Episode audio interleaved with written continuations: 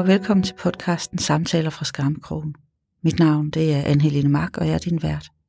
I programmet der dykker vi ned i nogle af de årsager, der kan være til, at vi får stress, og hvordan skamfølelser kan være med til at gøre os syge af det. I programmet der vil vi tale om nogle af de ting, vi kan opleve på vores arbejde og i vores liv, der gør så ondt, at vi bliver syge af det. I dag der skal vi dykke ned i øh, nogle af de tabuer, som vi kan have med os i vores arbejdsliv. Det er sådan, at nogle gange så går grænsen mellem menneske og medarbejdere i sådan nogle lidt flossede skæld, fordi vi har vores hjerner og vores nervesystemer med os overalt. Og derfor så kan det også godt være forbundet med et øh, tabu, når vores hjerner og nervesystemer ikke ligner andres. Og i dag har vi været så heldige at få besøg af en højt uddannet kvinde med autisme og med ADHD, og Maria Passiani. Vil du ikke være sød og introducere dig selv? Jo, tak. Øh, jeg hedder Marie. Undskyld. det er i orden. Alle de tror, jeg hedder Maria. Men øh, jeg hedder Marie, og jeg er 43 år gammel, og, øh, eller ung selvfølgelig. Og øh, jeg er uddannet læge, og er sendiagnostiseret med øh, ADHD og autisme. Ja. Øhm, ja, så er der også nogen, der vil sige, at jeg er mønsterbryder, og så har jeg arbejdet næsten uafbrudt fra jeg var en 10-11 år, og så til at blive sygemeldt med stress her for knap tre år siden. Ja, så du har altså også i den grad haft både stressperspektivet og til dels også øh, det her tabu-perspektiv, der kan ligge ind i at, at have en, en, man kalder det for en neurodivergent hjerne. Øhm, og, og i vores samtaler op til det her, der har vi jo virkelig også været rigtig, rigtig optaget af, hvad, hvor, hvor går grænsen imellem at være Øh, altså det at omtale både ADHD og autismehjerner som anormale og så mm. videre, at, øh, at det kan godt sådan være lidt øh, noget mærkeligt noget, fordi at vi jo i de her år ser flere og flere, især kvinder, som rent faktisk viser sig at have hjerner, som, som har enten autisme eller ADHD, eller begge dele. Ja. Øhm, så noget af det, som jeg har gjort, det er jo, at jeg har stillet dig nogle spørgsmål på forhånd, og du har reflekteret og så videre. Det er sindssygt taknemmelig for, at du gider at tage dig tid til at dele din fortælling, dine tanker omkring alt det her med skam og stress, og i virkeligheden også stå frem for første gang med, med dine diagnoser i, øh, i, i, i en podcast og, og, og, og fortælle om det her med netop at, at være læge og, og have en, en, en anderledes hjerne og så videre. Og det første, det første, det første spørgsmål, som jeg har sådan ligesom bedt dig om at, at forholde dig til eller stillet dig, det er det her med, om du selv har oplevet det med skam som en faktor i dit arbejdsliv og i dit liv i al almindelighed. Det er et rigtig godt spørgsmål, fordi øhm, i forhold til arbejde, øh, i den periode, hvor jeg især var rigtig, rigtig stresset, så er det jo ikke sådan, jeg tænkte om morgenen, når jeg tog på arbejde, ej, i dag der er der godt nok meget skam i mit liv. Øh, så det er jo ikke på den måde. Øh, men jeg kan se, at mange af de måder, jeg har sådan håndteret pres udefra og pres i mig selv på, at det nok har noget med skam at gøre. Mm. Øh, og du introducerede mig til det her skamkompas, mm. øh, ja.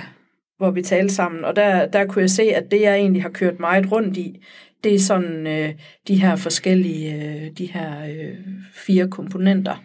Mm. At det er sådan set sådan, mit arbejdsliv har været meget præget af. Mm. Altså enten undgåelsesadfærd, eller frustration, angreb osv. Så, videre. så på mm. den måde, øh, så har skam indirekte øh, i hvert fald været en stor del.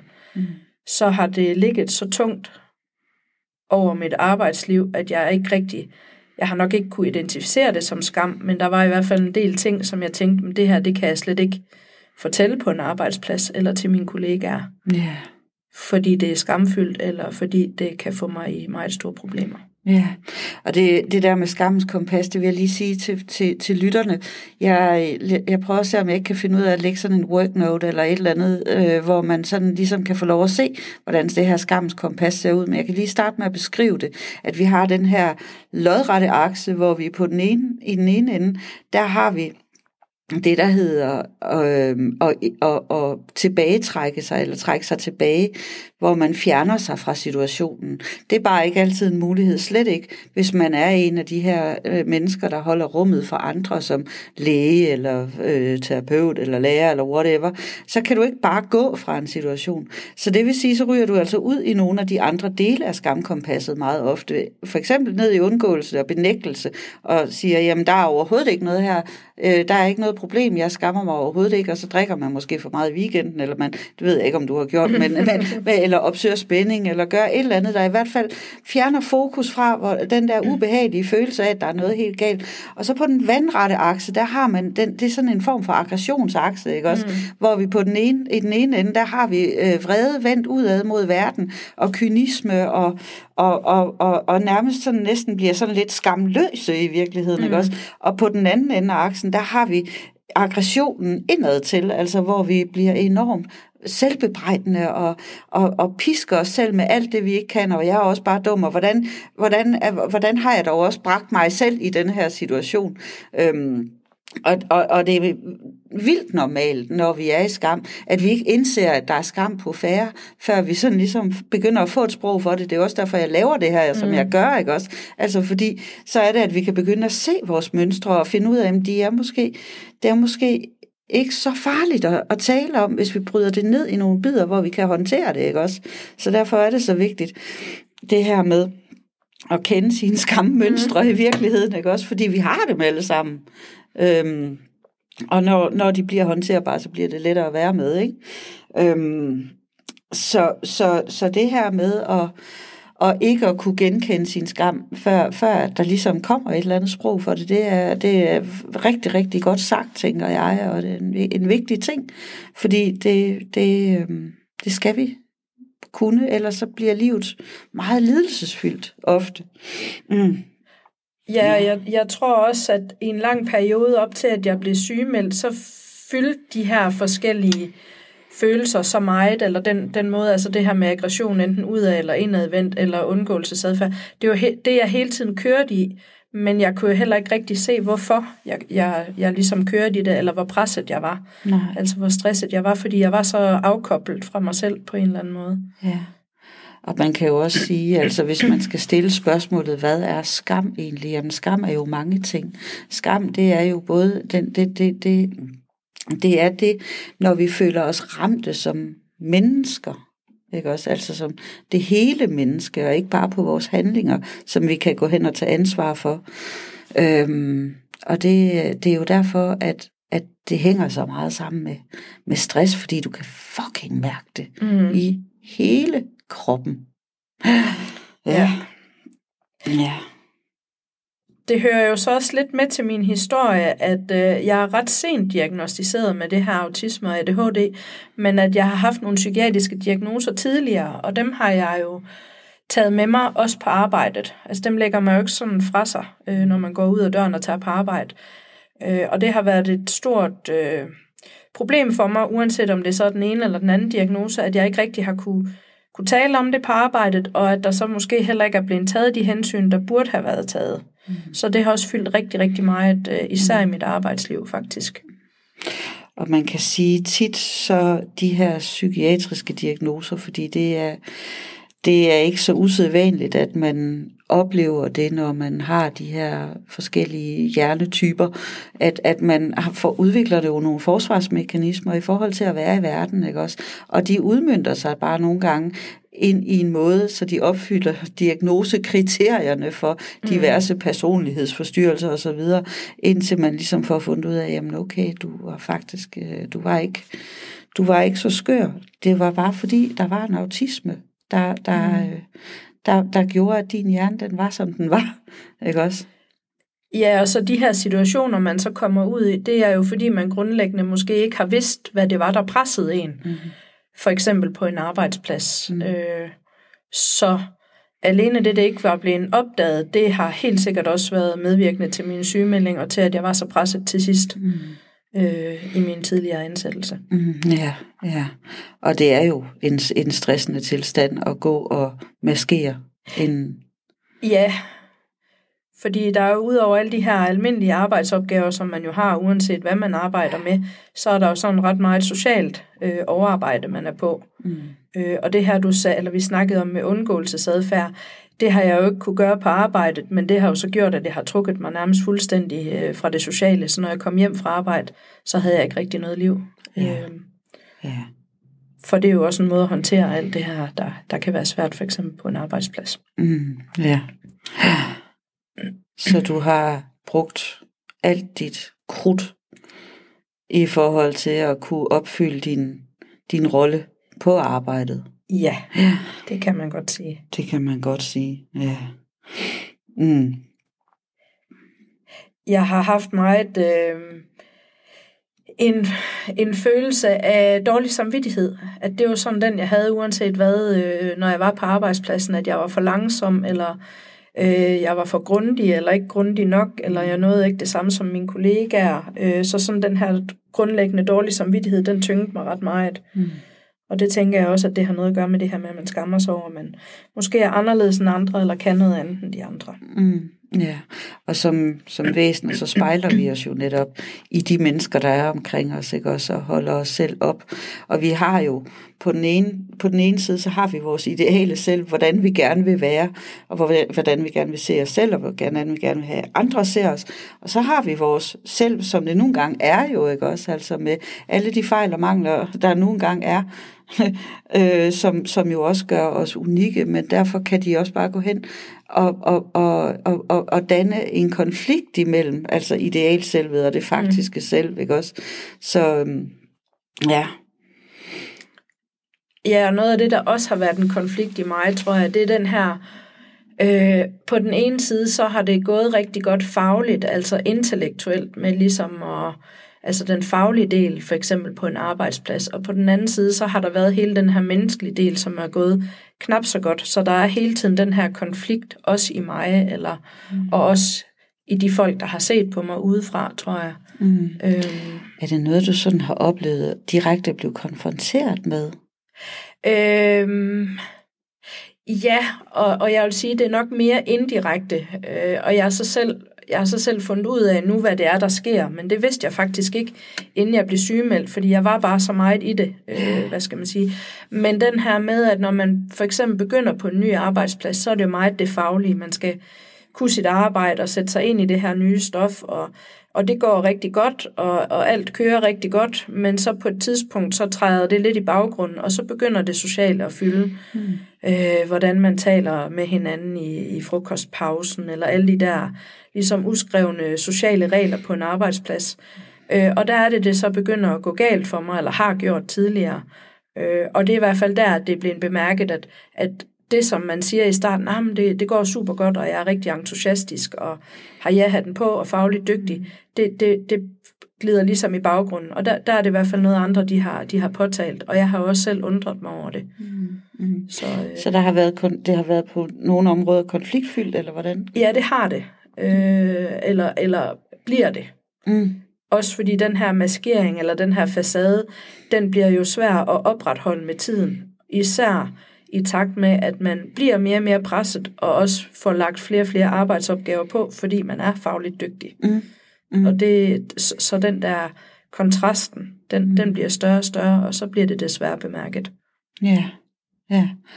Og så begynder man at mærke den der altså lidt måske eksklusion, eller altså den sociale eksklusion, eller var, var det sådan, det var for dig?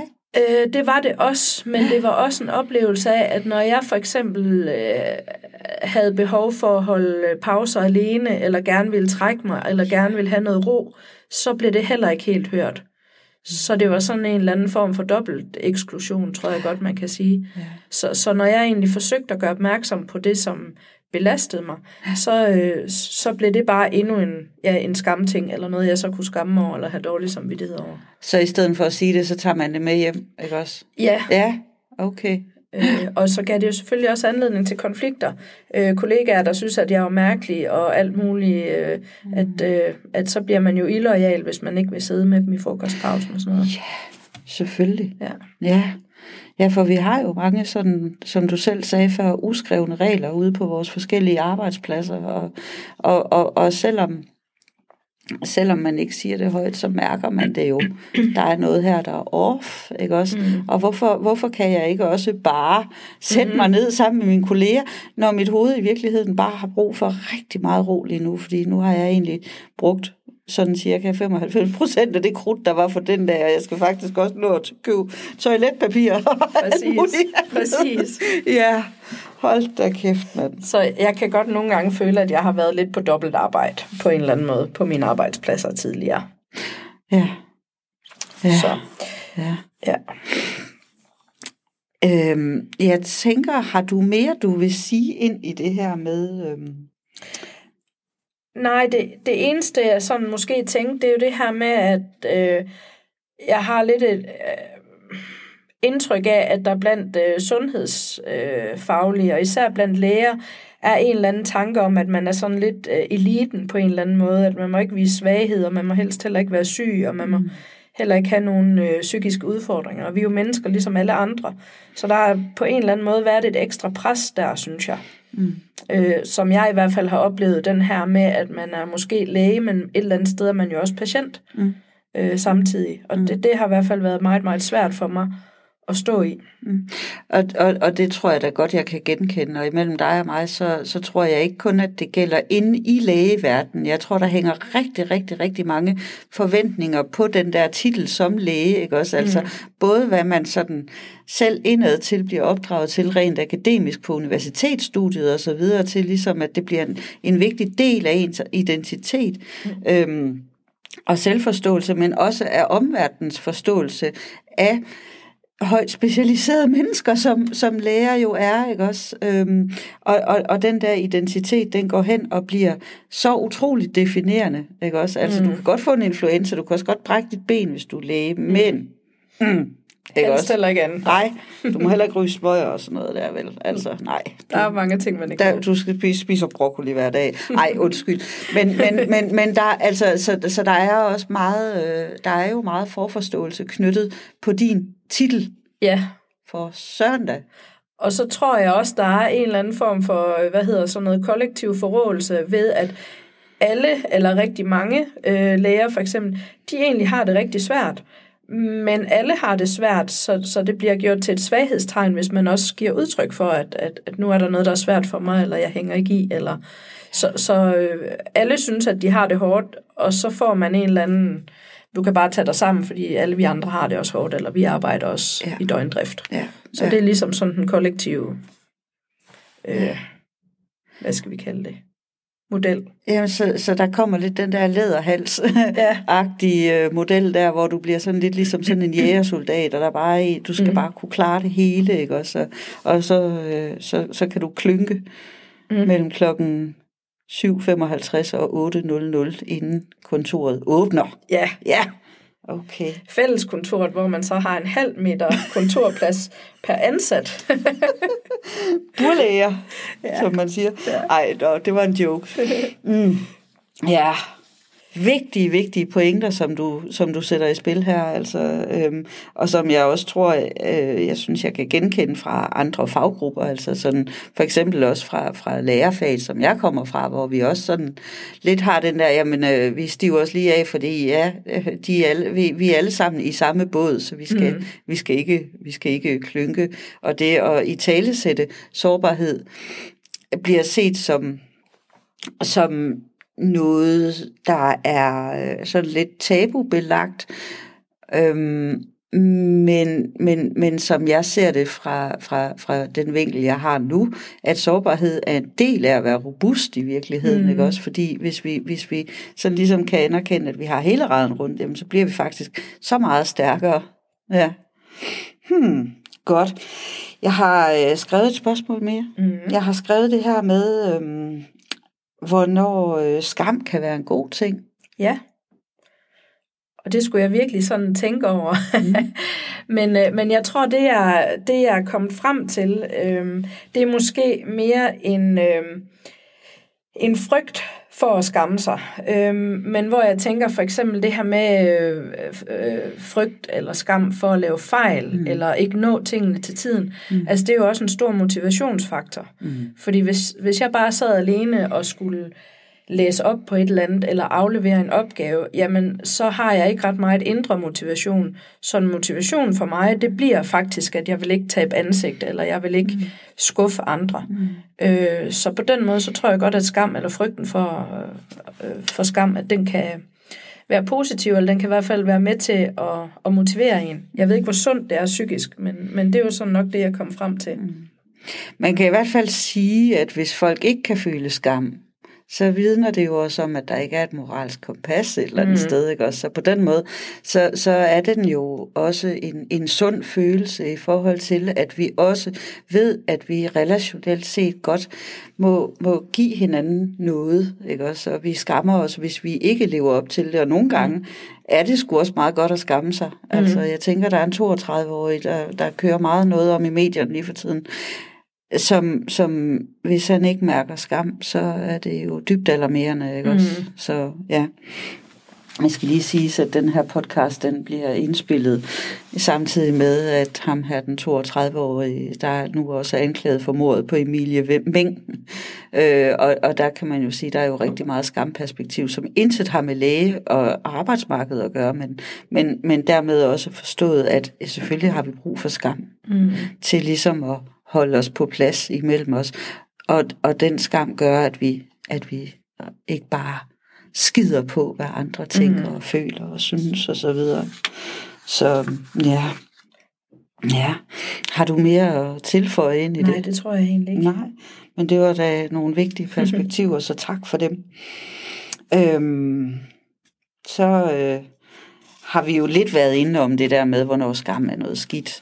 Men, øh, men jeg tænker, nu går vi sådan lidt systematisk til værks. Mm. Det er altid rart. Ja. Og hvornår er skam noget skidt? Jeg synes, når, når det påvirker en så meget, som man ikke rigtig føler, at man er glad, eller man føler, at man bruger al sin tid mm. ja, på at skamme sig, eller på at, at være i de her negative følelser. Mm. Øhm, det er sådan det, jeg tænker. Og i forhold til sådan arbejdsrelateret, så er det jo, når man ikke rigtig kan andet end at forsøge at være på arbejde, eller passe sit arbejde, mm. så tænker jeg i hvert fald, det bliver meget negativt øh, mm. på den måde. Så når skam kommer til at fylde så meget, at det er så vigtigt at undgå at føle sig forkert, at skam faktisk er gået hen og blevet til en tilstand, ja. og ikke bare en momentan oplevelse, som vi, kan, mm. som vi jo alle sammen oplever en gang imellem, men faktisk er der, hvor, hvor den fylder hele ja. systemet. Ja.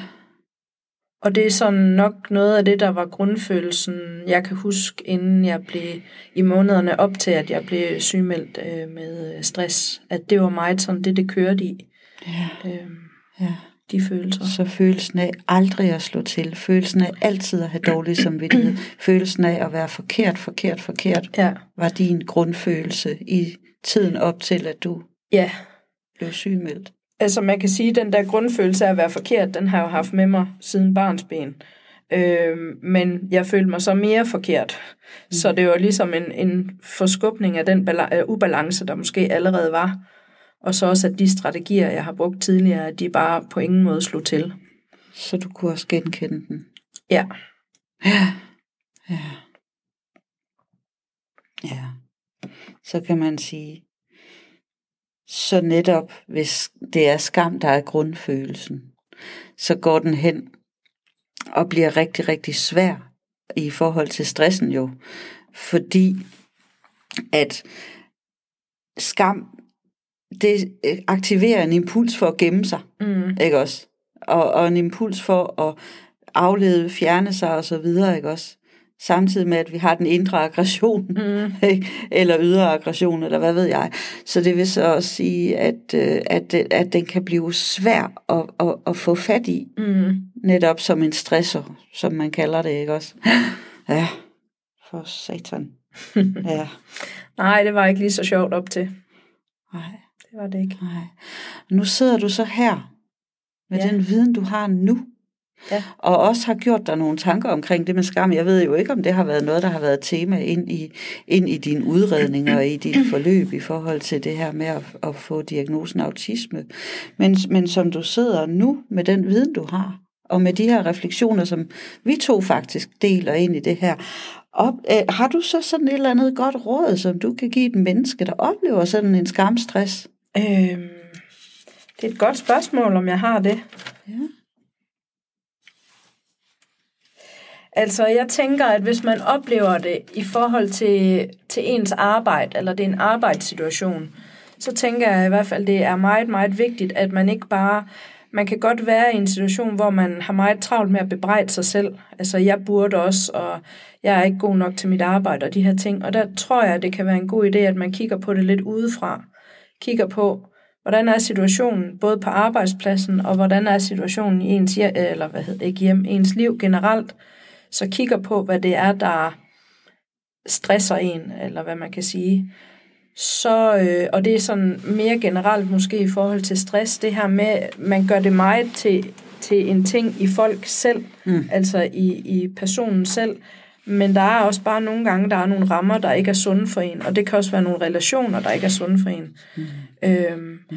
Og jeg synes nogle gange, for eksempel arbejdsgiver, de har meget travlt med, at øh, nå, men så er det nogle forhold kun i en selv. Der kan altså godt være nogle ydre forhold, der ikke er sunde for mm. en. Og det kan også være en arbejdsplads, man skal fra. Mm. Og det kan også være, at man skal tage sit liv op til genovervejelse. Mm. Øh, det var i hvert fald noget af det, jeg gjorde. Mm. Så jeg synes, jeg landede et godt sted, men jeg havde enormt meget øh, skyldfølelse, dengang jeg blev sygemeldt. Også det her med, at jeg ved faktisk ikke, hvad fremtiden bringer, og hvad, hvad jeg overhovedet skal arbejde med. Mm. Øh, og det tror jeg, det er et råd, jeg gerne vil give til andre og generelt. Det her med, at det er okay at sadle om i livet. Mm. Mm. At det kan nogle gange være det sundeste for en. Mm. Jeg tænker altså også et eller andet sted ind i det, du siger, hvor vigtigt det faktisk er at identificere, hvorvidt der er skam på færre. Ikke også? Mm. Altså, fordi at, øhm, at den kan holde os i alt for lang tid i en usund relation, fordi vi, eller og, og, og relation både altså arbejdsmæssigt eller mm. i andre sammenhænge, ikke også? Fordi vi så hele tiden går rundt med følelsen af, at det er mig, der er forkert, mm. ikke også? Øh, jeg er forkert, forkert, forkert. Og, og nogle gange er vi også forkerte, det er slet ikke det, ikke? eller i hvert fald nogle gange passer vi bare ikke ind, og det, og det er også okay, ikke også? men ligesom giver os selv den slack, ligesom at vide, jamen, åh, oh, for satan, der er skam af, mm. ikke også? så vi ikke bliver fastholdt i, i det der. Øhm, så ja, ja, Ja, der tænker jeg også, at vi kan jo også være i nogle relationer, det kan for eksempel være parforhold eller familie, som øh, ud over arbejde kan gøre, at vi skammer os. For eksempel hvis man forsøger at sige fra, eller man bliver belastet af, af ægtefændens sygdom eller noget andet, at, at det kommer ligesom oveni, hvad man selv har. Øh, og det synes jeg godt, man må forholde sig til, uden at man øh, øh, også behøver at have dårlig samvittighed. For det er i hvert fald noget, der har fastholdt mig meget, at, øh, ja, at, at jeg ligesom følte, at jeg ikke kunne være der for den anden øh, i parforholdet. ja. Ja. Så Ja. oven i det arbejdsmæssige. plejer at sige det her med, hvis du sidder i en flyver, der er ved at styrte ned, så skal du tage iltmasken på dig selv først. Fordi ellers så kan du ikke redde andre. Nej. Og det er præcis sådan, det er jo, Ja, desværre. ja.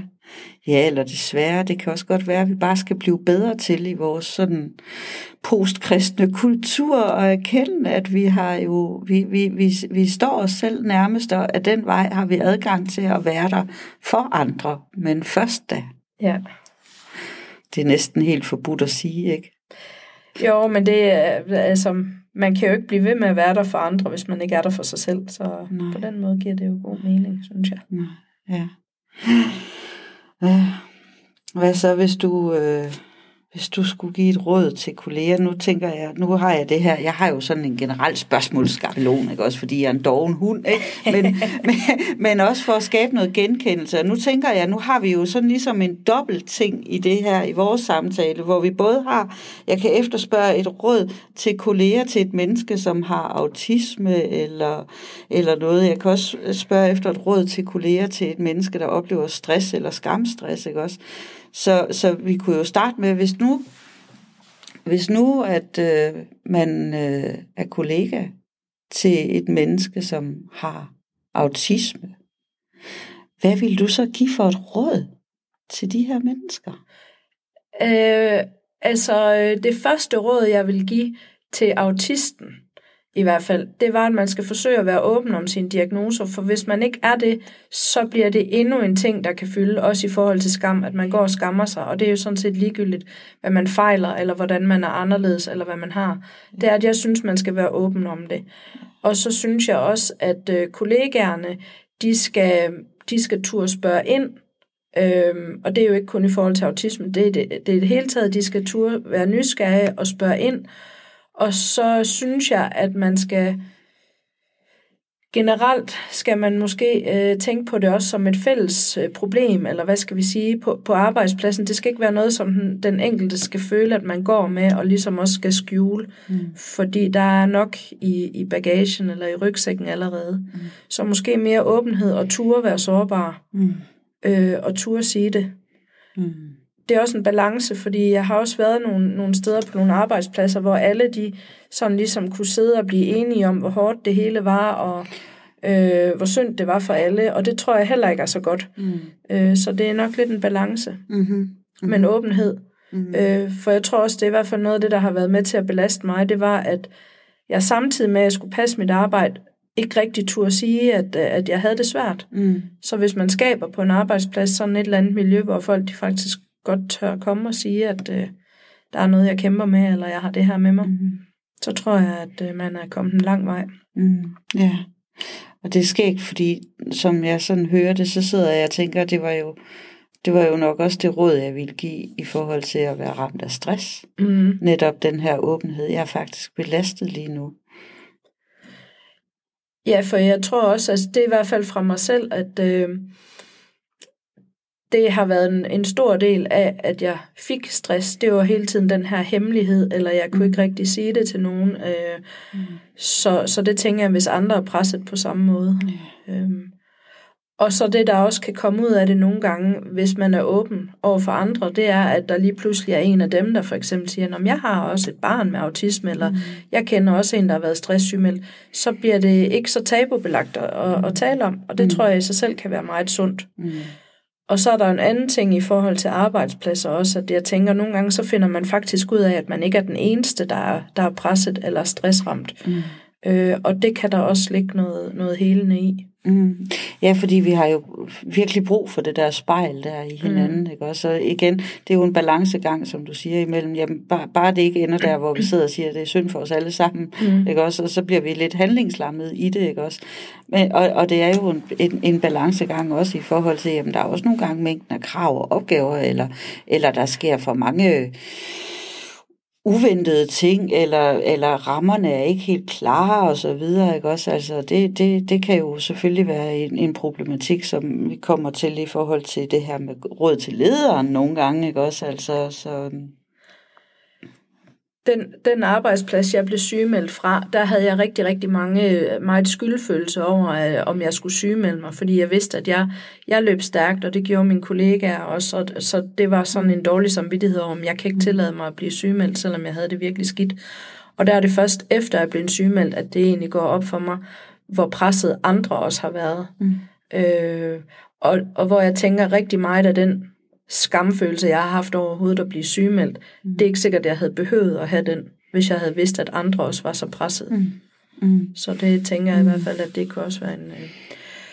I forhold til ledere, øhm, der tænker jeg, at det er måske at lytte til deres ansatte. Mm. Og lytte til, hvis man, hvis man går til lederen og siger, at man er presset. Øh, så helt lavpraktisk, øh, så har jeg oplevet flere ledere, der desværre, sådan, når jeg har sagt det, forsøgt at sige det, så har de sådan, jeg vil kalde det løjet over for mig, mm. men i hvert fald sagt, at det finder vi ud af, og det skal du ikke... Øh, mm. øh, og og det, det tænker jeg, det er sådan ret fundamentalt, at man tager sine ansatte alvorligt, uanset hvad de kommer med. Mm. Øh, så et eller andet sted med at være, være ærlig omkring det, og så også tage det, forsøge at tage det som et arbejdspladsproblem. Mm. Fordi ja. det bliver tit gjort til, at øh, jamen, det er bare noget i dig selv, og du skal også bare... Øh, og den er jeg lidt ked af, den fortælling. Mm, ja, lige præcis. Og, og, og så kan man ovenikøbet måske finde på at parkere den med, når du har jo også noget autisme, eller du ja. har jo også nogle diagnoser, ja. og så videre, og så videre, og så videre. Ja, helt sikkert. Og, og, og hvis jeg føler, at nogen har min ryg, så bliver jeg lidt mere tryg. Præcis. Jeg, jeg kan i hvert fald, man, man kan ikke skyde, øh, skyde skylden på, på ledere, men man kan, man kan godt have en arbejdsplads, hvor kulturen også er, er usund. Og det, det, jeg ved ikke, om det er lederne eller om det er kollegaerne, men i hvert fald være meget, meget opmærksom på kulturen på arbejdspladsen. Men er det her et sted, hvor man kan tale frit? Er det et sted, hvor det bliver hørt, hvis man har det svært på den ene eller den anden måde? Øh, så det ja. tænker jeg, det er sådan generelt vigtigt. Ja. Ja, Øhm, og, så, og så måske jamen, nogle gange tage nogle arbejdsprocedurer op til overvejelse. Og nu ved jeg jo, at, at lægegærningen er jo et område, som der er utrolig stor, kan jeg forestille mig, uforud. Altså, der er mange mm. uforudsete ting, der kan dukke op i løbet af sådan en arbejdsdag. Ikke også? Øhm, og, og det er jo et presset sundhedsvæsen, vi har. Så inden for mange grene af lægefag, lægefaget er der jo vildt meget pres på, ikke også? Mm. Så, så det, det, det er også noget med, ledere kan jeg forestille mig, skal filme have tungen lige i munden, øh, i forhold til at, at lede og fordele arbejdet retfærdigt. Ja, og det, det der med retfærdighed, det er faktisk et ret godt øh, ord, fordi der, den arbejdsplads, jeg blev sygemeldt fra, udover der var en masse med rammerne, og hvordan kom opgaverne ind, og hvordan blev de fordelt, så, øh, så følte jeg øh, rigtig meget uretfærdighed. Øh, okay. øh, som jeg ikke rigtig havde et sted at gå hen med. Altså jeg forsøgte at gå til både kollegaerne og, og lederen. Så, så der er også noget helt lavpraktisk med rammerne. Hvordan, hvordan kommer arbejdsopgaverne ind, og mm. ved, hvad man, ved man, hvad man skal, når man møder på arbejde, og, mm. og sådan noget. Det er så simpelt. Men hvis det også presser en mm. oveni, altså, så bliver det den her onde spiral, hvor, mm. hvor man ikke engang kan identificere, om det er det ene eller det andet. Mm. Tror jeg. Ja. Og så det værste, det kan jo så være det der med, hvis man så føler, når man går til sin ledelse, at man bliver set på, mm. og ikke set i, i det, ikke også? Så fjerner vi endnu en, en, en af de der sådan tryghedsbarriere, der kan være ved at gå, gå til sin ledelse. Og noget af det, som jeg har tænkt rigtig meget over, det er det her med, altså i forhold til at blive set eller set på, ja. det er, at jeg synes egentlig, at de har haft nogle fine ord nogle gange, de her ledere, men der kommer bare ikke rigtig handling bag. Ja. Og når der ikke kommer handling bag, så, så bekræfter det jo også en som ansat, eller som menneske, mm. i at jeg er forkert. Mm. At jeg bliver ikke rigtig taget alvorligt, mm. eller... Øh, ja, så det er egentlig med til at forstærke den her negative følelse man har i sig. Så oplevelsen af, når ens ledelse, sådan lidt øh, groft sagt, snakker ind efter munden, mm. at så, øh, så, så føler man simpelthen ikke, at, øh, at man bliver taget alvorligt. Nej, og det sker jo ikke lige i situationen, for der ved man det jo ikke, men, men for eksempel hvis de siger, ja, men det her med arbejdsopgaverne, det skal vi have kigget på, og der skal ske en omfordeling. Når det så ikke sker, så, øh, så, så bliver det jo værre for en. Fordi så har man også ligesom glædet sig, eller, eller tænkt, at det her det bliver anderledes, så der bare, bliver bare ja, mere negativt ja, forbundet ja, med det. Ja. ja, så kan du gå hjem igen og sige, nå for sådan, ja, det var også bare mig, der var forkert. Ja, oh. fordi det er nemlig den, det er i hvert fald den, jeg går hjem med. Mm. Sådan ja. per default.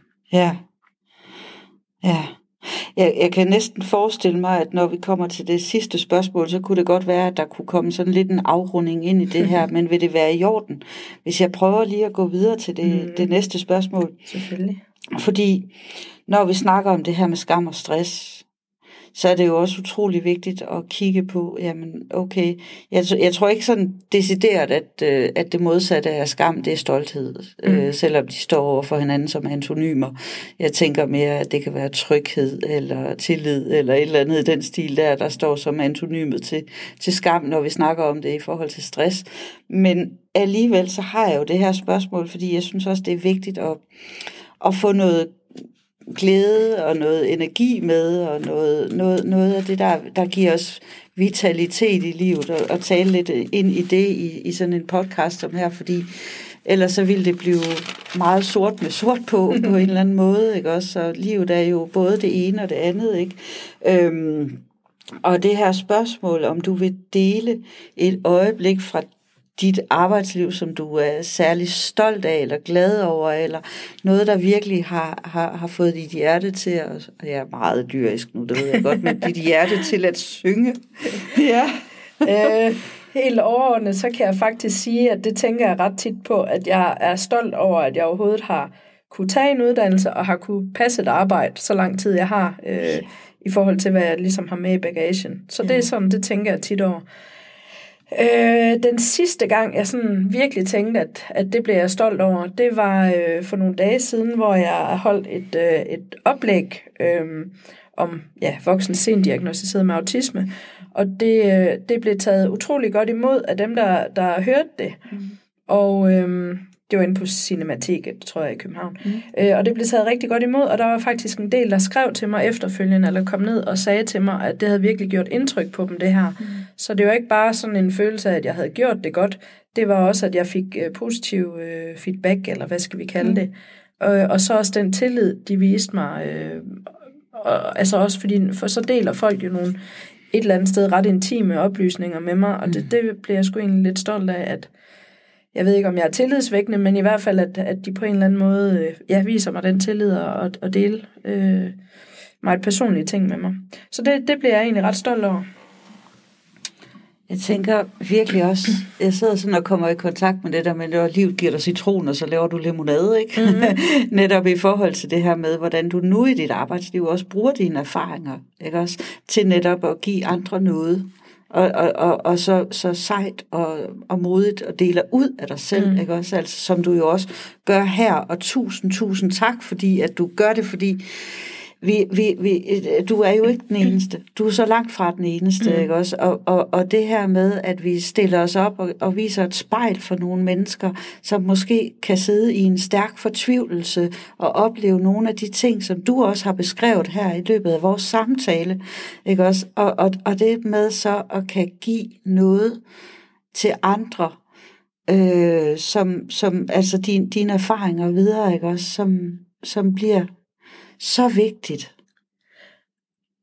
Ja, og jeg tror også, at, at folk de ved jo godt, at enten så kan man være fagperson og stå og tale om et eller andet, eller så kan man selv have oplevet det. Øhm, og det er også noget af det, folk de siger, at, at de er glade for, det er genkendeligheden. At, at de, de føler ligesom, at de kan sænke skuldrene. Mange, der, der er sådan, ah, så er det det her. Øh, så i stedet for, at man skal gå og, og blive ved med at skamme sig over, at man er den, man er, eller have alle de her negative øh, følelser, så vækker jeg måske et eller andet genkendelighed i dem. Ja. Og det tænker jeg, det, det er ret vigtigt, at man, ja, som du siger, har nogen at spejle sig i. Ja.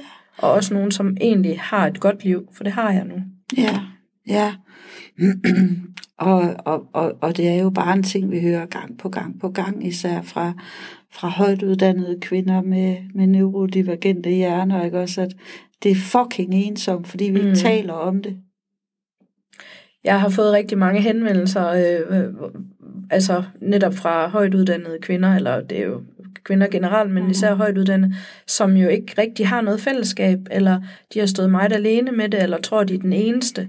Øh, det er så primært i forhold til autisme-diagnosen, men, men hvor er det ærgerligt. Øh, også fordi det er virkelig noget, der hjælper, kan være med til at hjælpe terapeutisk. Altså det her med, at man kan spejle sig i nogen, og ikke føler sig så alene.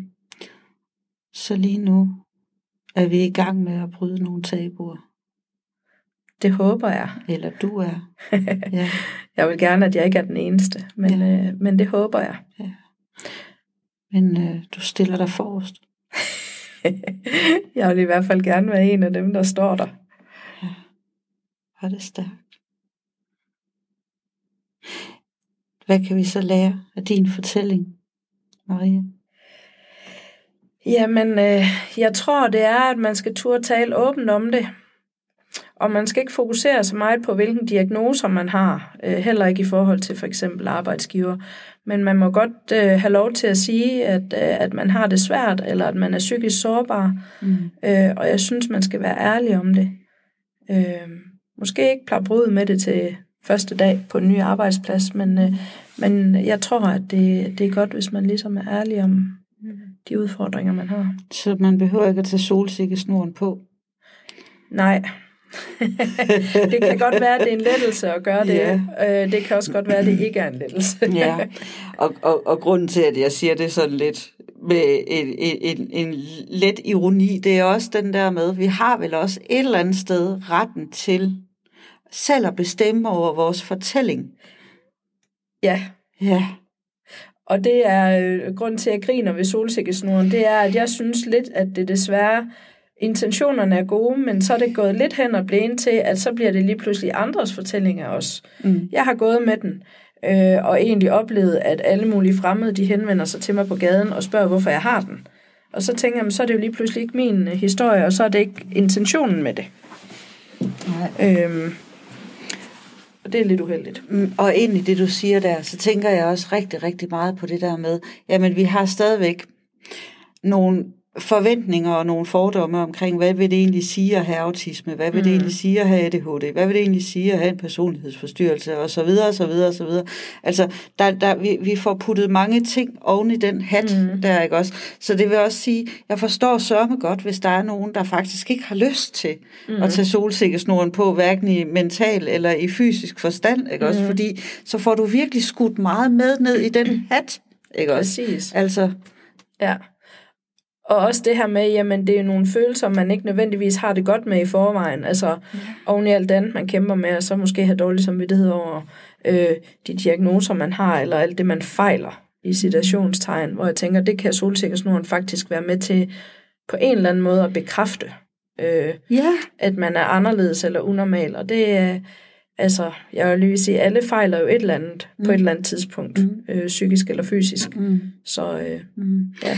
Ja, og jeg tænker på det der med, at øh, man også nogle gange kan støde på, nå, så er det derfor, du er, mhm. som du er, ikke også? Altså, og det i sig selv går hen også bliver et stigmata, ikke også? Så, så det er bare, altså, øh, for, for mig er det også bare vigtigt ligesom at få, få i tale at ja, vi skal blive nødt til at forstå, at for eksempel det at være på spektret, ikke også, altså på autismespektret, det er ikke én ting, og det udstyrer dig altså ikke med nogle særlige karaktertræk eller nogle særlige ting, du så kan forvente dig. Jeg tror, hvis jeg, hvis jeg må sådan lige tillade mig at komme med et lille bøvs der, jamen for helvede, så lær dog at lytte mm. til folk, ikke også? Og, og, og, og høre, hvad, hvad, hvad er deres fortælling egentlig, og hvad er de egentlig for nogle mennesker? Fordi ja, vi kan have en autisme hjerne, men, men, men vi er altså mennesker med mm. vores levede liv og vores historier. Vi har ret til selv, hvor meget vi vil dele, ikke også? Det er heller ikke sådan, at når man så siger, at man har autisme, at så man har fripas til at stille alle mulige underlige spørgsmål, lidt ligesom den her med, altså, hvis man er lesbisk, ikke også, så, får man også, så bliver man også afkrævet alle mulige spørgsmål omkring, hvordan gør I, og sådan ja. Altså, det er også noget med at møde folk med en vis konduite, ikke også? Så det, det, skal, det, skal, det skal vi jo også lære at håndtere i vores samfund. Mm. Mm. Jamen, det er en rigtig god pointe, og øh, en af de ting, jeg plejer at sige, og nu håber jeg ikke, at jeg gør mig uven om alt for mange, men, men når jeg er læge, så kører det jo lidt i diagnoser, og der, der siger jeg nogle gange det her med, at en diagnose, det kan give en forklaring, men det er ikke en undskyldning.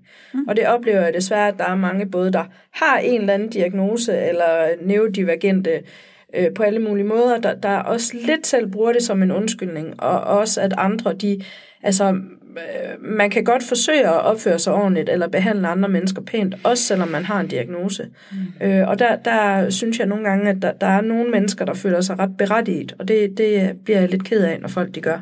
Mm. Øhm, ja. Mm. Ja.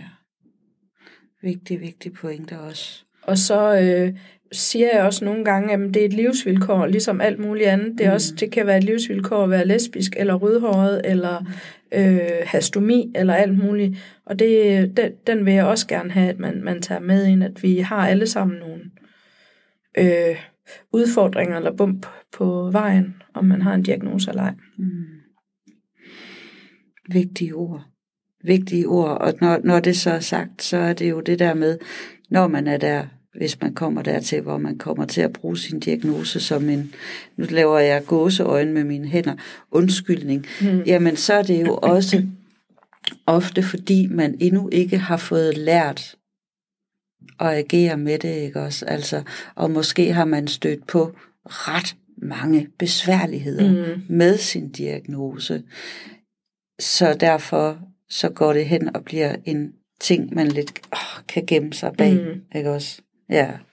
Øhm, det her i forhold til stigmatisering, som jeg sådan går rimelig meget op i, og der kunne jeg overordnet godt tænke mig, at vi forsøgte at se hinanden, og at vi forsøgte at lytte til hinanden. Mm. Øhm, og der øh, tænker jeg sådan helt specifikt på, at hvis man forsøger at gøre opmærksom på sin sårbarhed eller sin neurodivergens, eller at man for eksempel har en autismediagnose, så kan det nogle gange blive mødt af ens kollegaer eller andre med, at Jamen, det passer dig ikke, og sådan virker du ikke, eller øh, øh, ja, det kan da ikke være rigtigt. Øh, og det er selvfølgelig ment som kompliment, eller fordi man ikke lige virker til at være syg, eller hvad vi skulle kalde det. Mm. Men det kan godt have den modsatte effekt. Altså det her med, at man, man går derfra, og så tænker man, at øh, det, det bekræfter en i ens forkerthed. Øh, og det giver en endnu flere negative følelser, øh, hvis man ikke ligesom bliver lyttet til, eller... Øh, øh, mødt af omgivelserne. Så det kunne jeg bare godt tænke mig, at, øh, at vi blev lidt bedre til, sådan helt generelt. Mm. Spørg nysgerrigt ind, hvis der er noget, vi ikke forstår, i stedet for at sige til folk, at jamen, det passer da ikke. Mm. Det er jo sådan ret underkendende. Ja. ja, den der med, jamen øh, du, du er simpelthen ikke mærkelig nok til at have autisme, så det, ikke også? Ja. ja. Altså groft sagt, ikke? For eksempel. Ja. ja. Men ja. det kan jo også være, at man har trænet i 42 år på ikke at virke sådan. Der er, Lige noget, der, hedder, vedkommende. Ja. der er jo noget, der hedder maskering, har jeg hørt. Ja. ja. det kan vi jo lave et helt afsnit om, det hvis det skulle være. Ja, ja, lige præcis. Og for, for de lytter, der ikke ved, hvad, mas, hvad, hvad maskering er. Nu må du, du er jo eksperten her mere, end jeg er. Men, men maskering går jo simpelthen ud på at observere, hvordan andre mennesker opfører sig, og så forsøger at kopiere den adfærd, således at man på en eller anden måde ikke kommer til at stikke ud som en, der opfører sig mærkeligt. Ja, lige præcis. Mm. Øh, og, og det der så sker, hvis, hvis man er autist og højt maskerende, som man, som man siger, og det er jeg en af dem, der er, uden tvivl, øh, Øh, når man så bliver mødt med den her med, om det passer ikke for eksempel, mm. så øh, siger det jo bare til en, at øh, man skal bare lade lidt mere som om, og man skal bare maskere lidt mere, og man mm. skal bare have ja-hatten på. Og det er også rigtig, rigtig usundt psykisk, på sigt i hvert fald, også i forhold til, til stress for eksempel. Og det i sig selv vel også enormt udtrættende i forhold til, så kan du fanden fis med heller ikke mere den dag, når du kommer hjem fra arbejde. Nej, for det hele, det bliver jo en eller anden form for... Øh, øh, analytisk øh, proces og at være socialt samspil med andre. Ja. Og det, det er lidt trættende i forvejen. Ja. Og øh, med de her ord, så vil jeg øh, runde samtalen af, Ria, og sige tusind, tusind tak, fordi du kom her og delte din fortælling med mig og med de mennesker, der forhåbentlig har hængt i hele vejen igennem vores lille podcast her. Så tak for det. Selv tak, og tak fordi jeg måtte komme. Tak fordi du kom. Tak fordi du lyttede med. Jeg håber, at du har fået nogle gode perspektiver på skam og stress i den her udgave af Samtaler fra Skammekrogen. Hvis du kan lide det, du hører, så må du rigtig gerne dele den her podcast, og jeg vil blive glad for en anmeldelse, så vi kan komme ud til flere lyttere. Hvis du har en fortælling, du vil dele i Skamkrogen, så send en mail til mig. Adressen er i worknotesene nedenunder podcasten. Tak for nu, og vi lyttes ved i næste afsnit af Samtaler